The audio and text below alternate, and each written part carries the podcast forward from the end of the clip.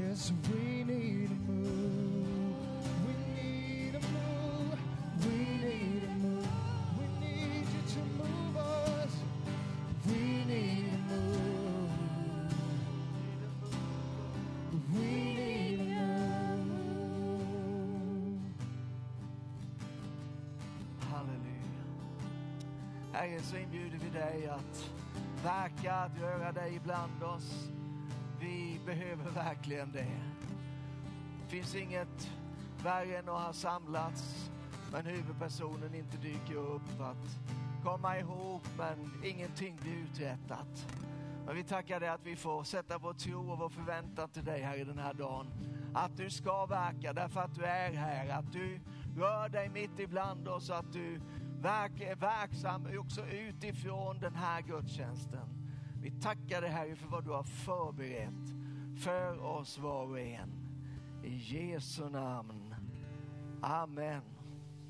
Amen. Tack så hemskt mycket. Det här var ju en sång som jag önskade nu bara för ett par dagar sedan och ni var snälla nog att och bara plocka upp den. Tack så jättemycket. Jag tror att vi sjunger den en gång till sen på slutet här. Eh, åtminstone känns det så nu.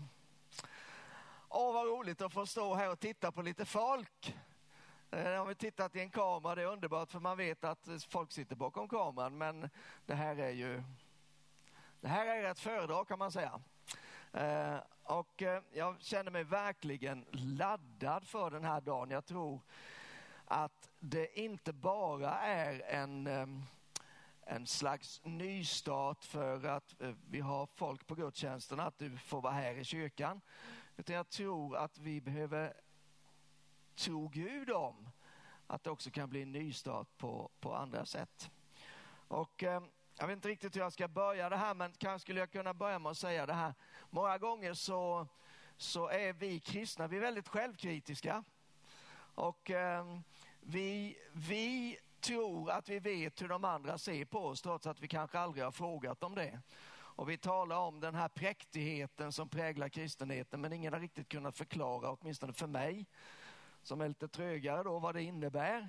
Eh, men vi talar också om att vi talar kanans tungomål. Vi använder en massa konstiga ord som ingen förstår. Eh, och det är klart, det finns inget egenvärde i detta att prata över huvudet på folk. Samtidigt så, så tror jag inte alltid att det är på det sättet. Om det är på det sättet så tror jag att vi som församling, vi har en slags folkbildande uppgift. Vi ska utbilda folk i vad, vad frälsning, vad är det?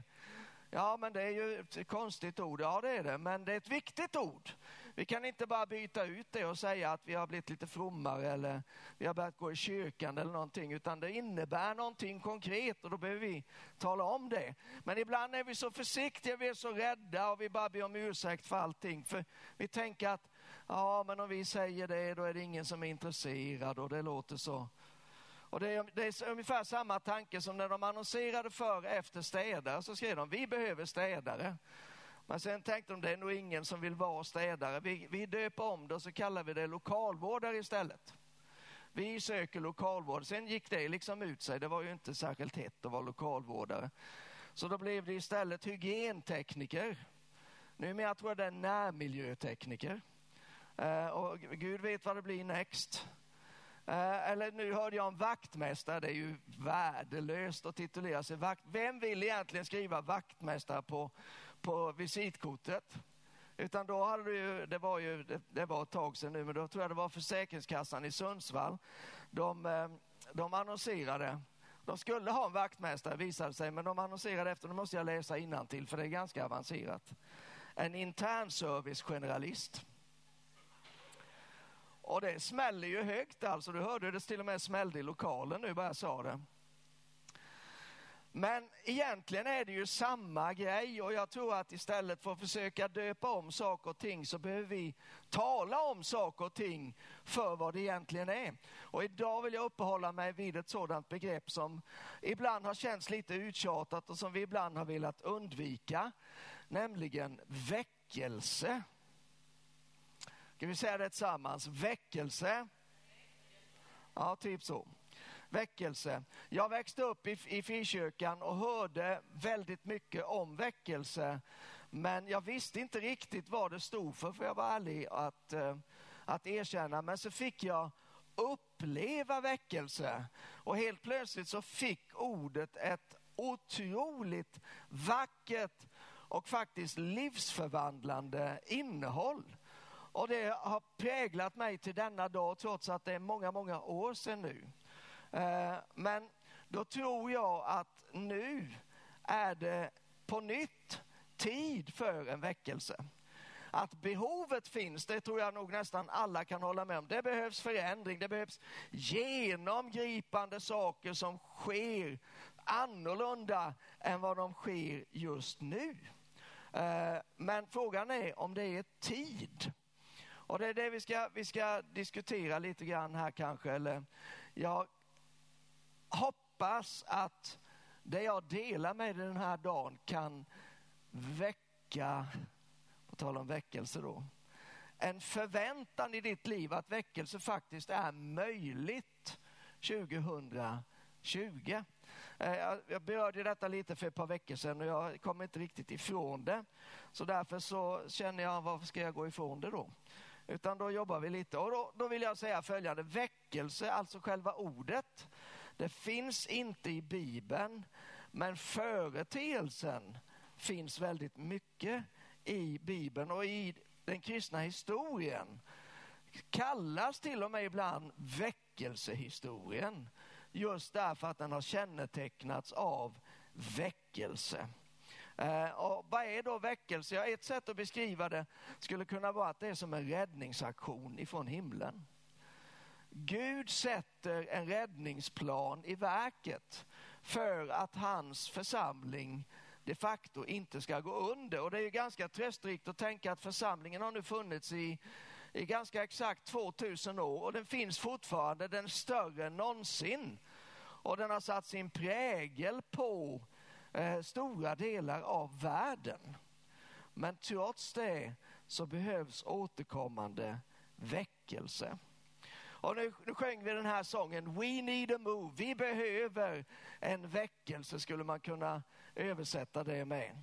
Eh, och eh, texten föreslår just det att det Gud inte bara sänder någonting utan att Gud faktiskt kommer själv.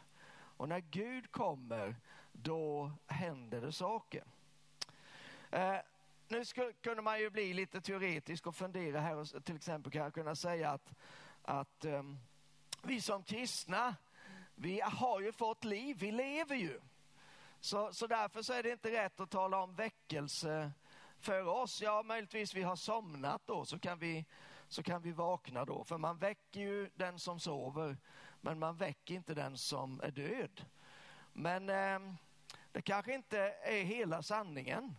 För att det, åtminstone är det inte så som, det, som det, man kan läsa i Bibeln. För det bygger ju på en tanke om att döden är oåterkallelig.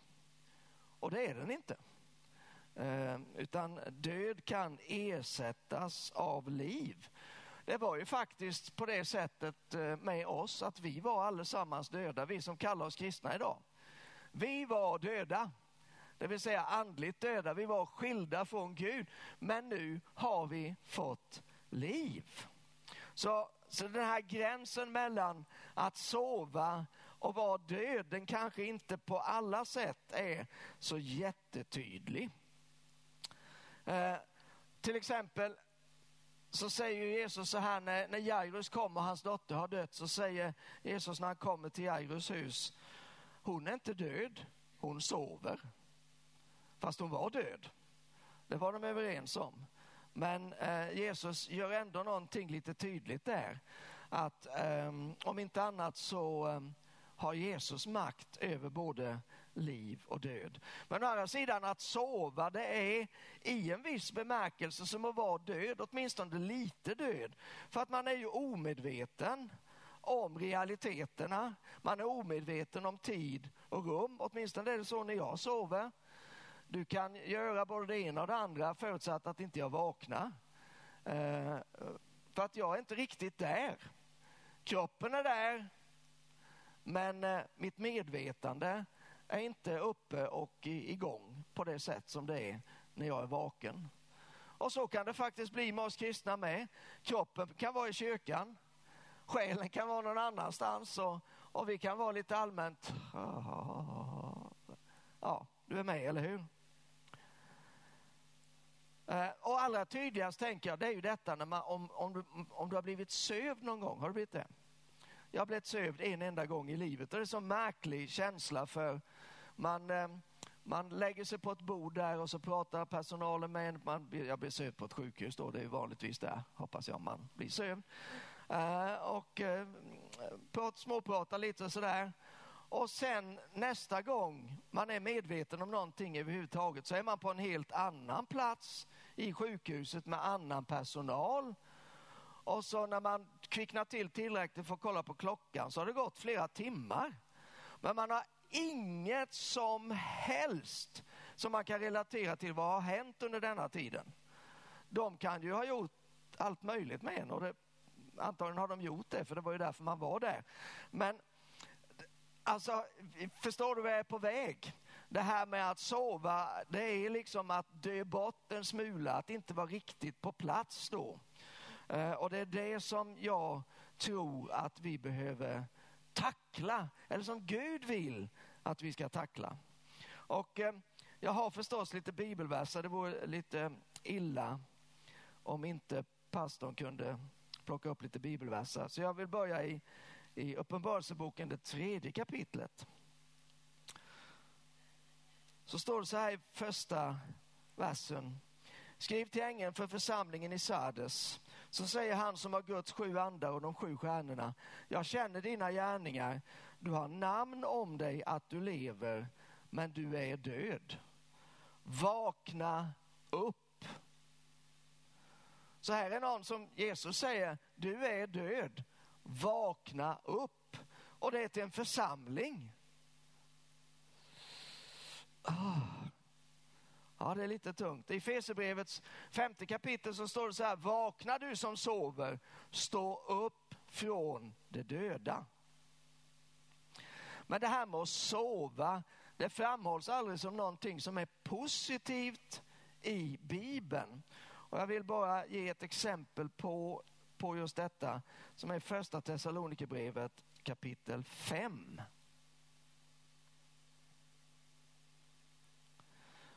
Och vi kan börja i den femte versen. Ni är alla ljusets barn och dagens barn. Vi tillhör inte natten eller mörkret. Låt oss därför inte sova som de andra utan hålla oss vakna och nyktra. Att vara nykter det innebär inte bara att avhålla sig från alkohol utan det här ordet det betyder att vara på hugget, att vara alert. Eh, och Bibeln uppmanar oss till det gång på gång. Varför uppmanar Bibeln oss till att hålla oss vakna? Av den enkla anledningen att det är väldigt lätt att somna. Nu talar inte jag idag om fysisk sömn. Jag vill bara så att ingen eh, liksom går hem och tänker att han är inte klok den här pastorn, nu får vi inte sova. Ja, jag är en stor advokat av att sova kan jag meddela. Eh, inte minst sen jag slet ut mig så har det blivit min bästa medicin. Och jag behöver ganska många timmar på natt för att vara riktigt tillfredsställd. Det är inte alls det jag talar om. Jag vet sömnens betydelse. Men nu talar jag om att vara andligt sovande, att inte vara andligt påkopplad. För det tror jag är oerhört allvarligt. När, jag säger inte om, men jag säger när vi hamnar där. För där hamnar vi. Det är naturligt att det blir på det sättet. Och det är ju sällan lätt att vakna. Åtminstone är det inte lätt för mig. Utan, ja, jag ska bara blunda lite till, tänker man. Och sen om inte man passar sig så har det gått en timme till. Jag bara blundade lite, men vadå? Jo, jag gled in i det där tillståndet igen att jag, jag hade inte koll på mig själv. Jag visste inte om vad är jag, vad händer, vad ska jag? Utan det var ju så skönt att bara få sova lite till. Tänk att man, tänk att man måste stiga upp på morgonen. Ja, så varför sover man? Jo, det finns, tycker jag, ett par, tre anledningar till det. Det ena är det självklara, man har jobbat länge, man har blivit trött. Och så är det för många av oss kristna. Vi har hållit på länge, vi har slitit, det händer inte så mycket, man blir trött. vad ligger då nära till hans? Jag ska bara vila mig lite.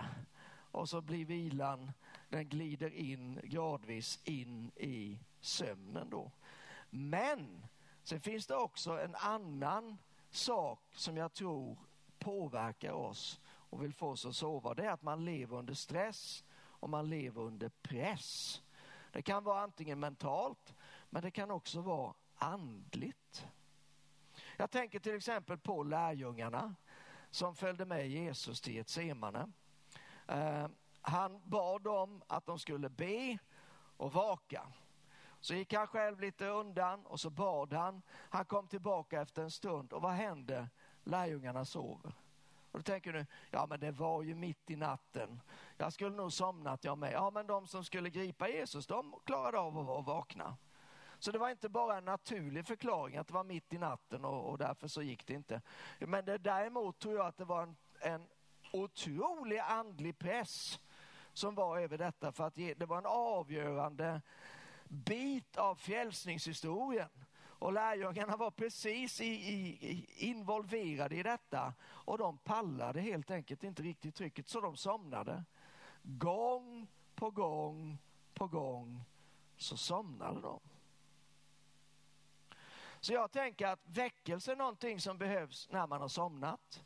Eller man, när man är liksom lite avdomnad eller vad ska jag säga, när man har tappat entusiasmen och gnistan eller passionen eller när man har blivit likgiltig eller man bara är allmänt passiv. Det behövs väckelse när man har blivit alltför upptagen med den här världen. Eh, mer än vad man är med den tillkommande världen. Det behövs väckelse när man har fullt upp med sig självt och sitt eget. Därför vågar jag säga att väckelse behövs idag. Inte ute i världen först och främst. Jo, det är sant, först och främst kanske. Men jag tror att om det ska bli väckelse i världen så behövs väckelse hos dig och mig. Och där tror jag att väckelsen börjar. Den börjar med dig och mig. Domen börjar på Guds hus, skriver Petrus. Jag har precis läst första Petrusbrevet nu. Domen börjar på Guds hus. Det börjar med oss. Men jag tror också, som jag sa inledningsvis, att väckelse är en möjlighet. Det är inte bara ett behov, utan det är en möjlighet. Det är en möjlighet idag. Kanske är det den enda möjligheten. Där kan vi tänka lite olika, men jag lutar väldigt mycket åt det hållet. Det som kan räta upp allt som har blivit snett och skevt och, och gått fel i det här landet eller i världen överhuvudtaget. Det räcker inte med en förbättrad ekonomi och mer resurser. Det är ju så vi tänker. Vi måste ha mer resurser i skolan. Vi måste ha mer resurser i välfärden. Det räcker inte. Vi måste ha ny politisk styre här. Det räcker inte. Det kan vara bra att byta om ibland, det tror jag nog, men, men det är inte tillräckligt. Utan det enda som på djupet kan räta upp allt som har fallit ner och som har blivit förstört, det är en väckelse. Men jag tror att en väckelse är möjlig idag. För det som har varit dött, det kan få nytt liv. Det kan vara områden i ditt liv som har dött. Kanske din dröm har dött. Drömmen om vad du skulle vara, vad du skulle göra, vad som skulle hända, hur du skulle tjäna Gud, eh, eh, hur framtiden skulle, kanske bara tvärdött. När du tittar på den så ser du den inte ens, den är död och begravd. Men den kan få liv. Det kan återupplivas, eller hur? Det finns ett bibelord som eh, du som har varit tvungen att lyssna på mig i många år, du har hört mig återkomma till den tid som annan. För jag blir så utmanad av den här bibelversen, en kort bibelvers i Apostlagärningarna 26 kapitel. Som säger så här, varför anses det otroligt bland er att Gud uppväcker döda? Varför anses det otroligt ibland er att Gud uppväcker döda? Vi, vi har alla någon slags bortre gräns för vad vi tänker är möjligt. Ibland är den ganska nära oss, kan man tycka. Ibland är den lite längre bort. Men för oss alla så känns det nog, oh, när vi hör om att någon död har blivit uppväckt, då tänker vi wow! Tänk om, men det händer ju aldrig i Sverige, det är liksom i Afrika. Eller så. Det är lite, och sen tänker vi inte så mycket mer på det. Men jag skulle vilja tala lite grann om detta. Varför ska det vara så omöjligt i vår tankevärld? För vi vet ju att för Gud är det inte omöjligt. Varför ska då vi begränsa oss själva till att ja, det, det går och det går, men, men att uppväcka döda, nej det går inte. Men död här, det är ordet som används i, i Apostlagärningarna 26 och 8. Det är nekros, grekiska. Och det betyder inte bara att fysiken har slutat att, att operera, att hjärtat har stannat och alla de här funktionerna. Utan det ordet det betyder också att vara inaktiv i att göra det som är rätt. Att sakna kraft, att inte vara i funktion. Och genast blir det väldigt tillämpligt för oss på olika sätt. Och därför så kan inte vi gå omkring och tänka, ah, men det är som det är och, och det här kommer aldrig att bli och så vidare. Utan jag vill blåsa liv i väckelsebegreppet den här dagen. Jag vill att du ska få tro för väckelse, tro för förändring i ditt eget liv. För om det blir förändring där, då kan det också bli förändring i andra människors liv. Som en direkt följd av vad Gud gör i, ditt, i din situation.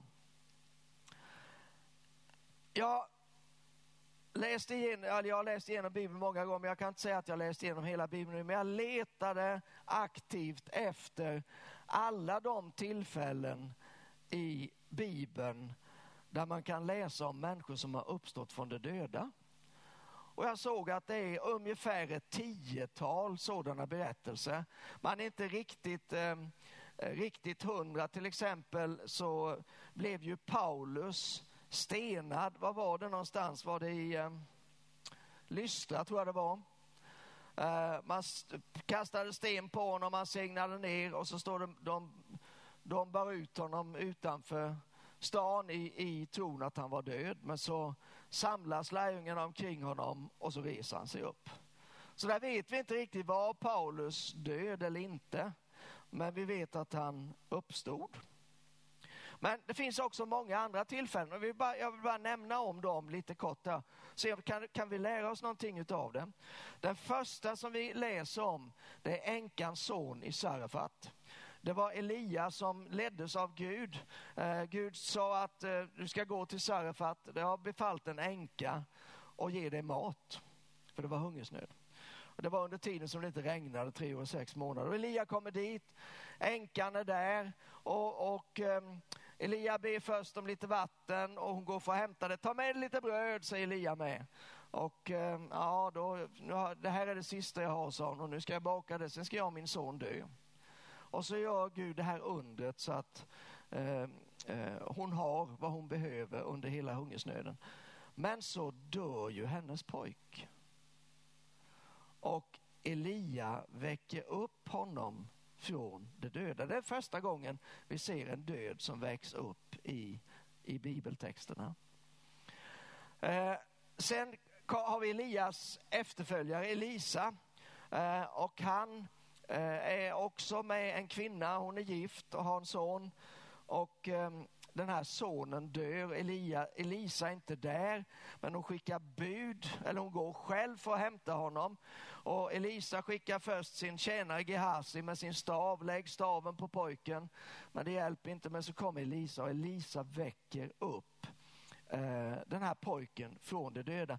Båda de här tillfällena så, så blir Elisa och Eli, Elia blir väldigt tydligt en kanal för Guds uppståndelsekraft. De lägger sig över de här båda pojkarna. Och på en av dem, jag kommer inte ihåg vem det är, så, så står det att la händerna på händerna, hade munnen över munnen och näsan eller ögonen mitt för ögonen. Och gjorde det kanske flera gånger. Och det här säger mig någonting att det måste, det måste till någon slags närkontakt. Elia och Elisa, de representerar ju på ett de är förebilder för Jesus skulle man kunna säga, enkelt uttryckt. Eller de är, de är föregångare till församlingen. Det vill säga om någonting som är dött ska få liv, då måste Gud få komma nära. Det måste liksom täcka över ordentligt, det kan inte bara vara lite dutta till någon gång sådär. Ah, jag ber väl en bön till Gud får vi se om han vill göra någonting. Nej, det behövs någonting mer och det är det vi jobbar med väldigt mycket nu på böneveckorna. Vi vill att Gud ska på djupet röra våra hjärtan så att våra hjärtan blir öppna och tillgängliga för honom. För då tror vi att förutsättningarna för att det som är dött ska få liv ökas radikalt. Den tredje som blir uppväckt ifrån de döda i eh, i gamla testamentet, det är ju en dråplig historia. Men det är efter att Elisa har dött och blivit begravd så, ehm, så ska man begrava en annan man som har dött. Lite grann i, i jämte där. Men när man håller på att förbereda för det där så, eh, så kommer det stråtrövare. Och de här begravningsentreprenörerna de blir skärrade. Va? Och de säger, här är en grav, vi skickar in liket där. Han gör, det gör ju inte ont liksom, han är ju redan död. Så de stoppar in honom i Elisas grav. Men när han kommer i beröring med Elisas ben, då kommer livet tillbaka. Alltså, alltså det är ju bara Guds, eh, Guds humor nästan, kan jag tycka på något sätt. Va? Men det är samma princip. Det är en närhet där, det är en överföring som måste ske och som sker i en närhet. Och jag tror att det är bra att ta med sig den tanken. Nu går vi in i, i Nya Testamentet och i Nya Testamentet kommer ju Jesus och Jesus han är herre över både liv och död och det blir ju jättetydligt. Eh, första som Jesus väcker upp från de döda det är änkans son i Nain. Eh, vi hinner inte att läsa alla de här berättelserna, de är jättespännande att läsa, men du får göra det. Du hittar det i Lukas, det sjunde kapitlet. Eh, och där eh, kommer, Jesus kommer med sina lärjungar till Nain, möts, kommer eh, en, ett vad heter det, begravningsfölje ut ur stan. Eh, det är en änka, det vill säga hon har ingen man. Hennes enda son har dött. Det är verkligen nattsvart där. Men Jesus stoppar dem och Jesus går fram eh, och han rör vid bågen står det och sen så talar han till den döde. Hans ord kommer med liv. Och det vet vi ju, Jesus säger mina ord är ande och liv. Det finns en sån kraft i det som Jesus säger att det till och med kan väcka upp döda till liv. Ungefär samma tillvägagångssätt har Jesus när det, när det kommer till Jairus dotter som man hittar i nästa kapitel, Lukas 8. Där eh, eh, hon är sjuk men under tiden som Jesus är på väg dit så dör hon. Men när Jesus kommer dit så ställer han sig bredvid den döda flickan och så säger han, lilla flicka stå upp och livet kommer tillbaka. Eh, nästa händelse eh, eh när en död uppstår, det är berättelsen om Lazarus som vi hittar i Johannes, det elfte kapitlet. Och det är ju ganska, ganska utbroderat så att säga, hela storyn där. Men kontentan är att efter fyra dagar i graven eh, så säger Jesus, rulla bort stenen. För det var sten som var förrullad för graven där. Och så, och så talar han återigen och säger Lazarus kom ut. Så då har vi hunnit med sex stycken uppståndelseunder ifrån Bibeln. Den nästa som vi finner det är ju faktiskt det största utav alla. För det är Jesus själv. Jesus uppstår från de döda. Och, och Paulus behandlar ju det här när han skriver till Korintierna, första Korintierbrevet 15 och talar om hur viktigt det där med Jesu uppståndelse är. Om inte Jesus har uppstått, säger han, då finns det ingen uppståndelse. Det vill säga då finns det ingen, finns ingen fortsättning för oss utan då dör vi och sen är det slut. Men nu har Jesus uppstått säger han och därför så kan vi också uppstå.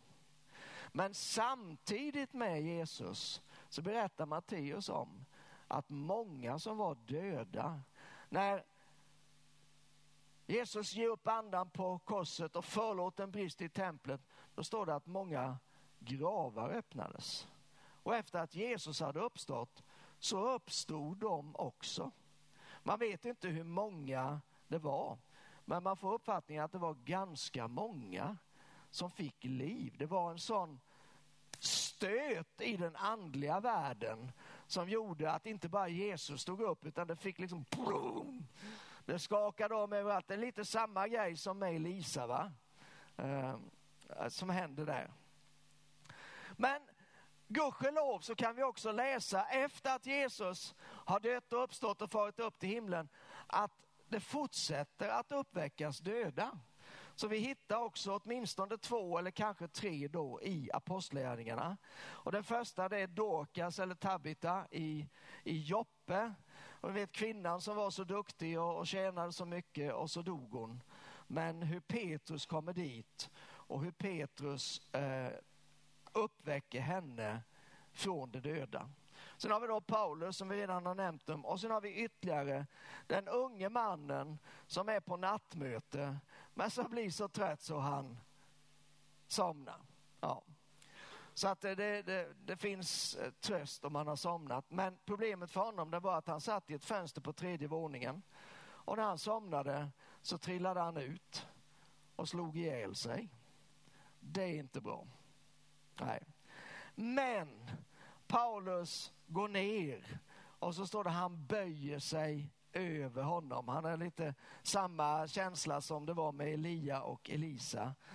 Och så tar han honom i sin famn och så säger han att nej, han är inte död. Och så står den här Eutykus som han hette då, han står också upp ifrån de döda. Vad, vad står det här för? Jag, jag, jag, jag känner jag blir bara uppmuntrad när jag tänker på detta. För att jag tror nog att vi allesammans tänker en uppståndelse, en fysisk uppståndelse från en fysisk död. Att det känns lite mer tufft än att någon som är andligt död ska få andligt liv. Det kan bara jag, men jag tror att du tänker lite så också. Men här har vi då tio typ bevis på att de som är fysiskt döda har fått en fysisk uppståndelse. De har återuppstått, de har blivit återupplivade.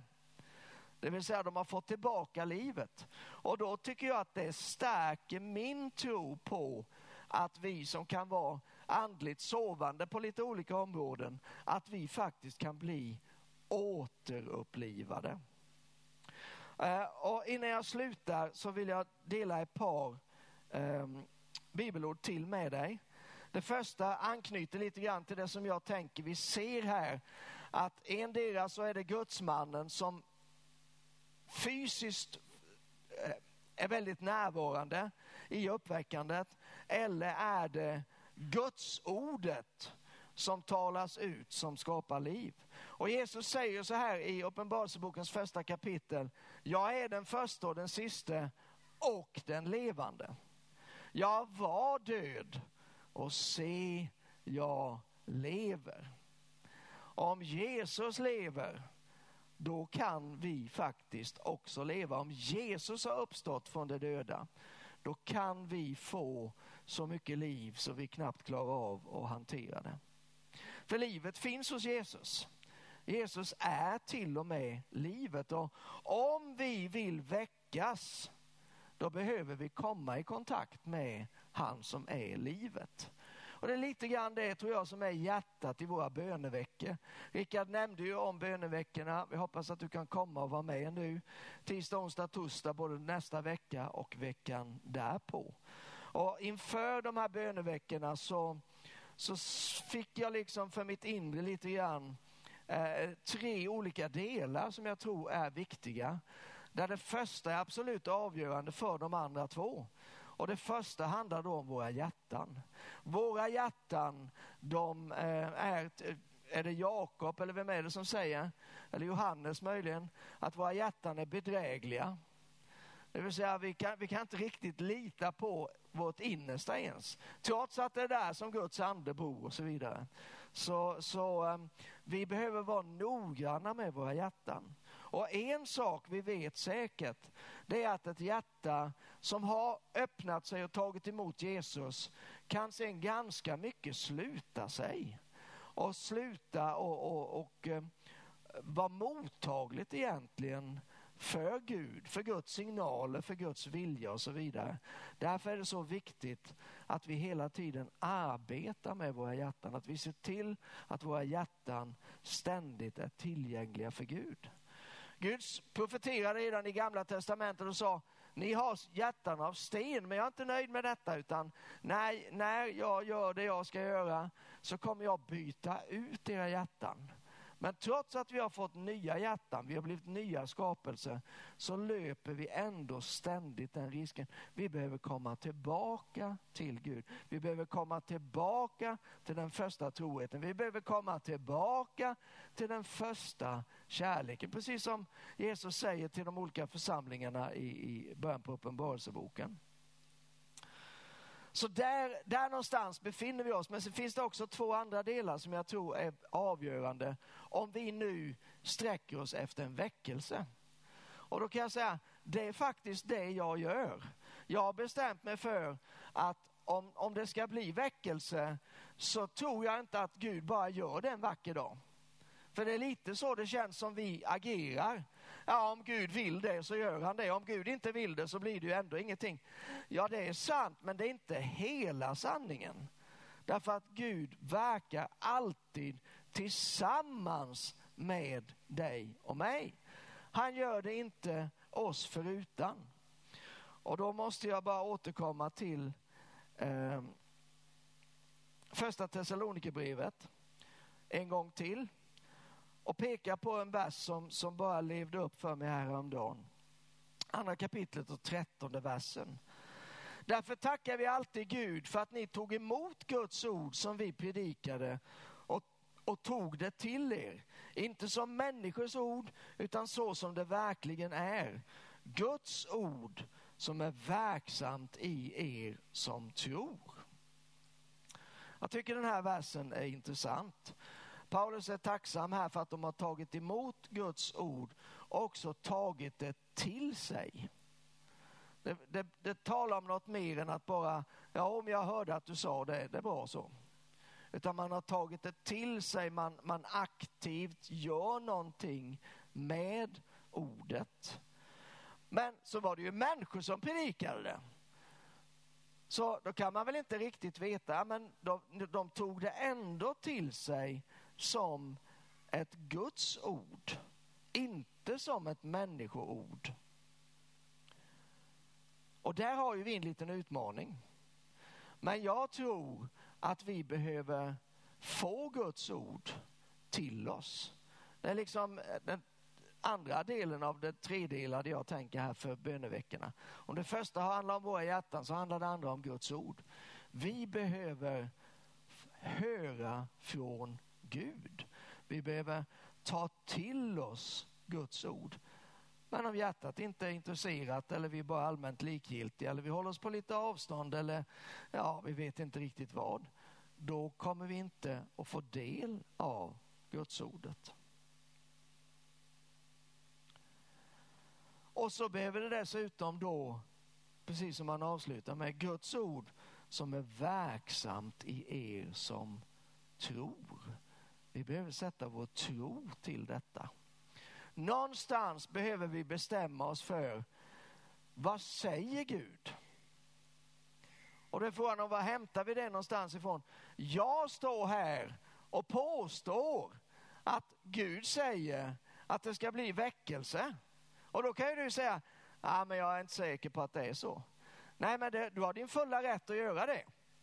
Det är liksom det fina med Gud, att han, han, att han kontrollera oss inte på det sättet. Men om du säger nej, jag undrar, jag tror då inte det. Då, då har jag en motfråga till dig. Vad säger Gud till dig då? Då vill jag höra vad Gud säger. Men om inte Gud säger någonting till dig så kan det vara så att Gud säger någonting till dig genom mig. Och då behöver du ta till dig det ordet och sätta din tro till det ordet. Jag vet att det är lite utmanande men, men någonstans tror jag att, att det ligger en sanning i detta som inte vi får tappa bort. Vi som lever i ett genomindividualiserat samhälle och är så oerhört självständiga, jag kan själv.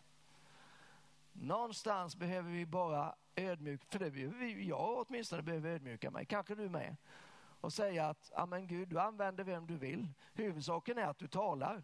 Vad säger den som har ögon? Han hör vad anden säger till församlingarna. Och då tror jag, och därför säger jag, det kommer att bli väckelse. Och jag säger det därför att jag känner en tro i mitt hjärta. Jag, jag, jag, säger det inte bara därför att det skulle vara så underbart om det blev det. Jag säger det inte därför att då skulle jag liksom få, få återuppleva fantastiska saker från min ungdom. Jag säger det därför att det bara brinner i mitt hjärta. Jag tror att väckelse är på väg. Det var, lite, det var lite roligt eh, häromdagen, jag berättade det igår på gemenskapsdagen. Det ringde till mig i förrgår Eh, och eh, någon som uppenbarligen trodde att jag visste vem han var. Men det gjorde jag inte riktigt. Men han ville ha bank, vårt bankgironummer och det är man ju alltid eh, villig att ge ut för då tänker man nu vill de ge pengar. Amen. Men ehm, så mitt i allt, för vi, det tog ju liksom tio minuter innan jag hostat upp det där bankgironumret då innan jag hittade det. Så pratade vi om lite allt och mitt i alltihop så säger han så här, du vet väl att det snart blir väckelse? Ja, det vet jag, så jag. Så liksom, det var bara som Gud använde den här brodern för att bekräfta någonting för mig. Och kanske finns det någonting i dig också som bekräftar det som jag säger den här dagen. Men jag tror att vi behöver börja och säga det. Jag tror att vi behöver börja tala om det. Jag tror att vi behöver börja predika så att tron växer i våra hjärtan. Att vi verkligen, det ska bli väckelse. Vi är på väg mot en väckelse. Amen. Får jag sluta med ytterligare ett bibelord ifrån Hesekiel då.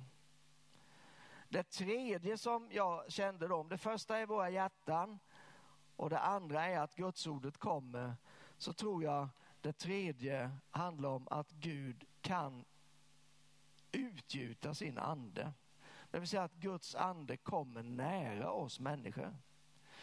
Det finns ju den dimensionen av att Guds ande bor i var och en som är född på nytt. Men det talas också om en ande utgjuten ifrån höjden. Ehm, eh, I första Petrusbrevet tror jag det är, som det står det uttrycket. Vi vet också att att väckelserörelser som har fötts, de har ofta fötts därför att den helige ande har slagit ner på en plats över någon eller några och så har det spritt sig. Och det är absolut nödvändigt. En väckelse är per definition en utgjutelse av den helige ande. Och då tänker jag förstås eh, på Hesekiel 37 om berättelsen om de förtorkade benen. Och jag vill, jag vill läsa några verser där tillsammans med dig ifrån början på kapitlet. Jag tror att många av er känner väl igen de här bibelverserna. Men jag tror att Gudsordet föder tro. Så därför vill jag gärna läsa det. Så här står det från början på kapitlet. Herrens hand kom över mig och genom Herrens ande fördes jag bort och sattes ner mitt i en dal som var full med ben. Han förde mig fram mitt, mitt bland dem och se, de låg där i stora mängder över dalen. Se, de var alldeles förtorkade. Han sa till mig, människobarn, kan de här benen få liv igen? Jag svarade, Herregud, du vet. Herregud. Det var lite så han sa.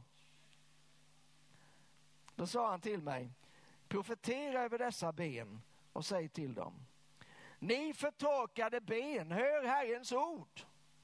Se, jag ska låta ande komma in i er så att, så att ni får liv. Jag ska sätta senor på er och låta kött växa ut på er och täcka er med hud och ge er ande så att ni får liv. Och ni ska inse att jag är Herren. Jag profeterade som jag blivit befalld och när jag profeterade hördes ett ljud, det blev ett rassel, benen kom tillsammans så att ben fogades till ben. Medan jag såg på växte senor och kött på dem och de täcktes med hud, men ännu fanns det ingen ande i dem. Ändå var det det som Hesekiel hade profeterat allra mest. Han började med att säga, se jag ska låta ande komma in i er. Och sen slutar han med att säga, och jag ska ge er ande så att ni får liv. Men ändå kom inte anden. Det var andra saker som behövde komma på plats först, innan anden kunde bli utgjuten. I vers 9 då sa han till mig, profetera till anden.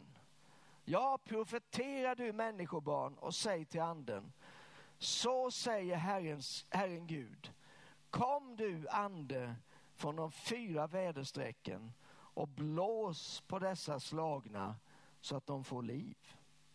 Och jag profeterade som han hade befallt mig. Då kom anden in i dem och de fick liv och reste sig upp på sina fötter, en mycket stor skara.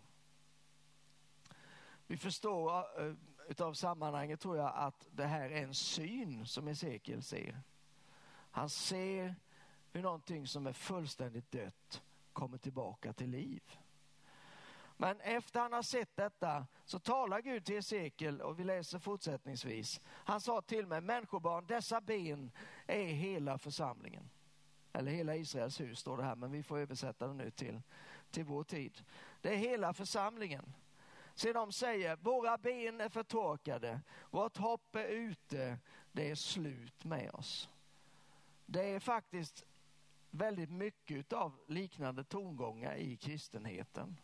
Och det finns mycket som på ett sätt är sant i alla de uttalandena. Det som min gode vän Börje Attman sa redan för många år sedan, så sa han, de flesta församlingar är bara inställda på att göra en hedervärd sorti.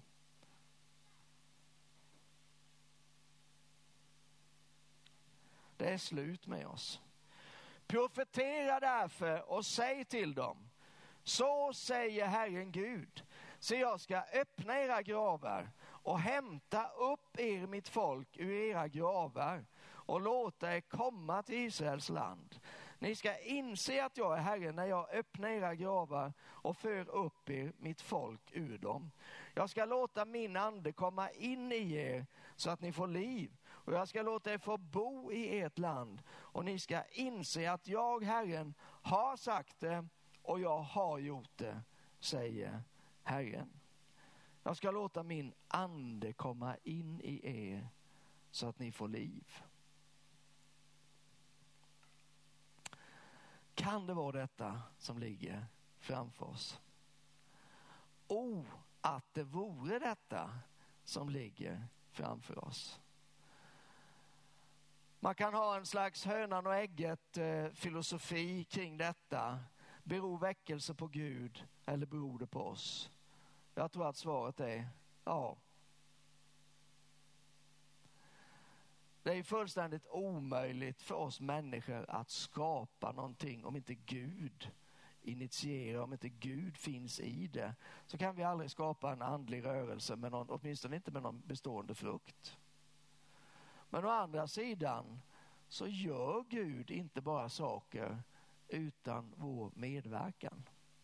Så istället för att sitta och vänta på att det ska bli annorlunda så behövs det några, ett folk som reser sig upp och som profeterar, som talar Guds ord, som sätter sin tro till Guds ord, som drar ner Guds ande mitt där det är dött och kallt och, och hårt och, och känns omöjligt. Och då samverkar Gud och människa och då blir det ett uppvaknande. Det är det som vi går för. Du kan undra vad ska vi göra nu i höst? I höst ska vi ha väckelse. Vi tar steg mot väckelse den här hösten. Ja, när kommer det då? Ja, ju mer vi travar på desto snabbare kommer det. Eh, jag har ingen riktig tidtabell så, men jag, jag har en övertygelse om att Gud kommer återigen att utgjuta sin ande. Och jag längtar så mycket efter det. Jag längtar så mycket efter det. Herre, vi bara tackar dig för att du har bestämt om oss att vi ska gå och så ska vi bära frukt, Herre. Många gånger har vi gått men vi har inte burit frukt. Och så har vi blivit trötta på att gå och så har vi bara stannat upp. Men vi tackar dig Herre att i din nåd så bara kommer du till oss, på igen, i, i, kommer du till oss igen. Du uppmuntrar oss på nytt Herre. Och du bara påminner oss om dina stora och underbara löften.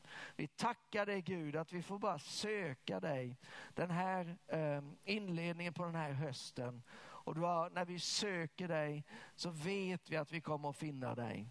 Vi tackar dig Herre för att du har ett ord, ett rema för just den här tiden vi lever i. Och vi tackar dig att du är redo att på nytt utgjuta din ande.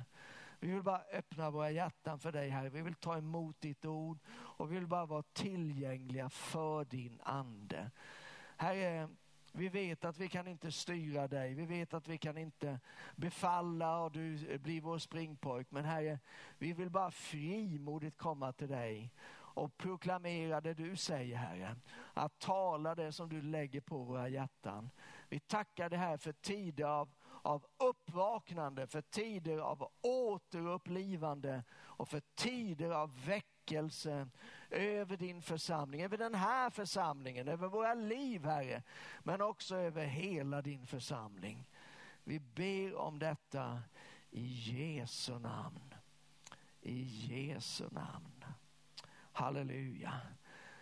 Lovsångsteamet, är ni här så kan ni väl komma upp igen och där är ni ja. Så kan vi väl bara sjunga lite mer på den här sången. Jag känner att den är liksom en proklamation.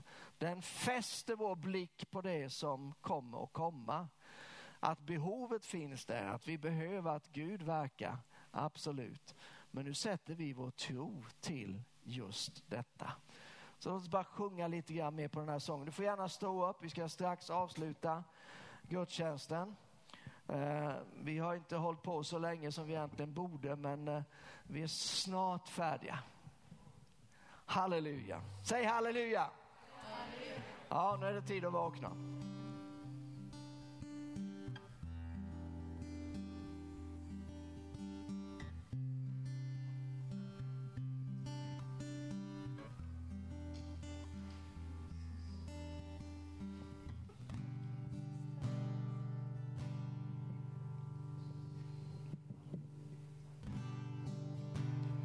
mountains are still being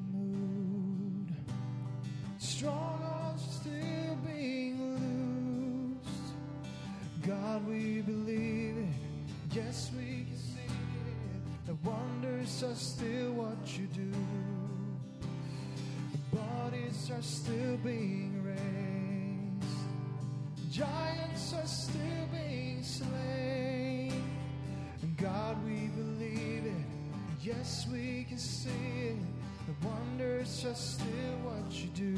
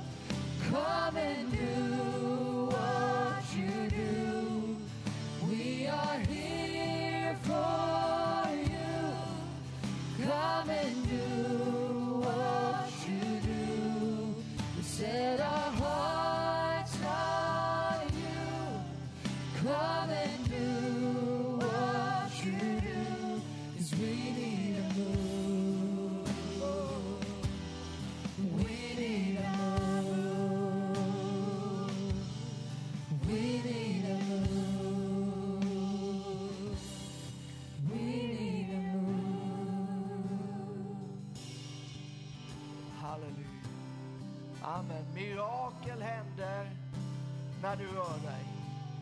He, helande, jag kommer inte ihåg exakt hur texten var, men helande kommer på den här platsen. Och innan vi avslutar så vill vi bara ge tillfälle om du är i behov av förbön. Kanske att du är sjuk, du behöver bara ett vidrörande av Gud. Kanske säger du bara, ja men det här budskapet idag, det bara gjorde någonting med mitt hjärta. Be för mig att, jag, att mitt hjärta verkligen får vara tillgängligt för Herren. Då vill vi bara be för dig. Och du som är, är i på, um, på annan plats eller du som är hemma, vi vill in, inkludera dig också i förbönen. Men om du vill vara, eh, att vi ska be för dig, bara lyft upp din hand där du står. Vi kan, som det är nu kan vi tyvärr inte bjuda in och, och, och bli alltför handgripliga. Jag sa till, ehm, eh, till medarbetarna här innan vi började, jag sa att jag skulle önska avsluta den här gudstjänsten med att kalla fram varenda en och bara kasta mig på dem allihop. Men det är inte riktigt coronamässigt så att vi sparar lite. Men jag tror att Gud vill göra det. Att Gud vill komma dig nära. Att Gud vill röra vid dig. Så bara om du vill vara inkluderad i förbönen, bara håll upp din hand var du än är någonstans. Och så tackar jag dig Jesus för att du är obegränsad av tid och rum. Och var och en som längtar efter dig, var och en som öppnar sitt hjärta, var och en som har behov Herre. Just nu så kommer du till den personen, var helst han eller hon är. Jag bara ber helig Ande.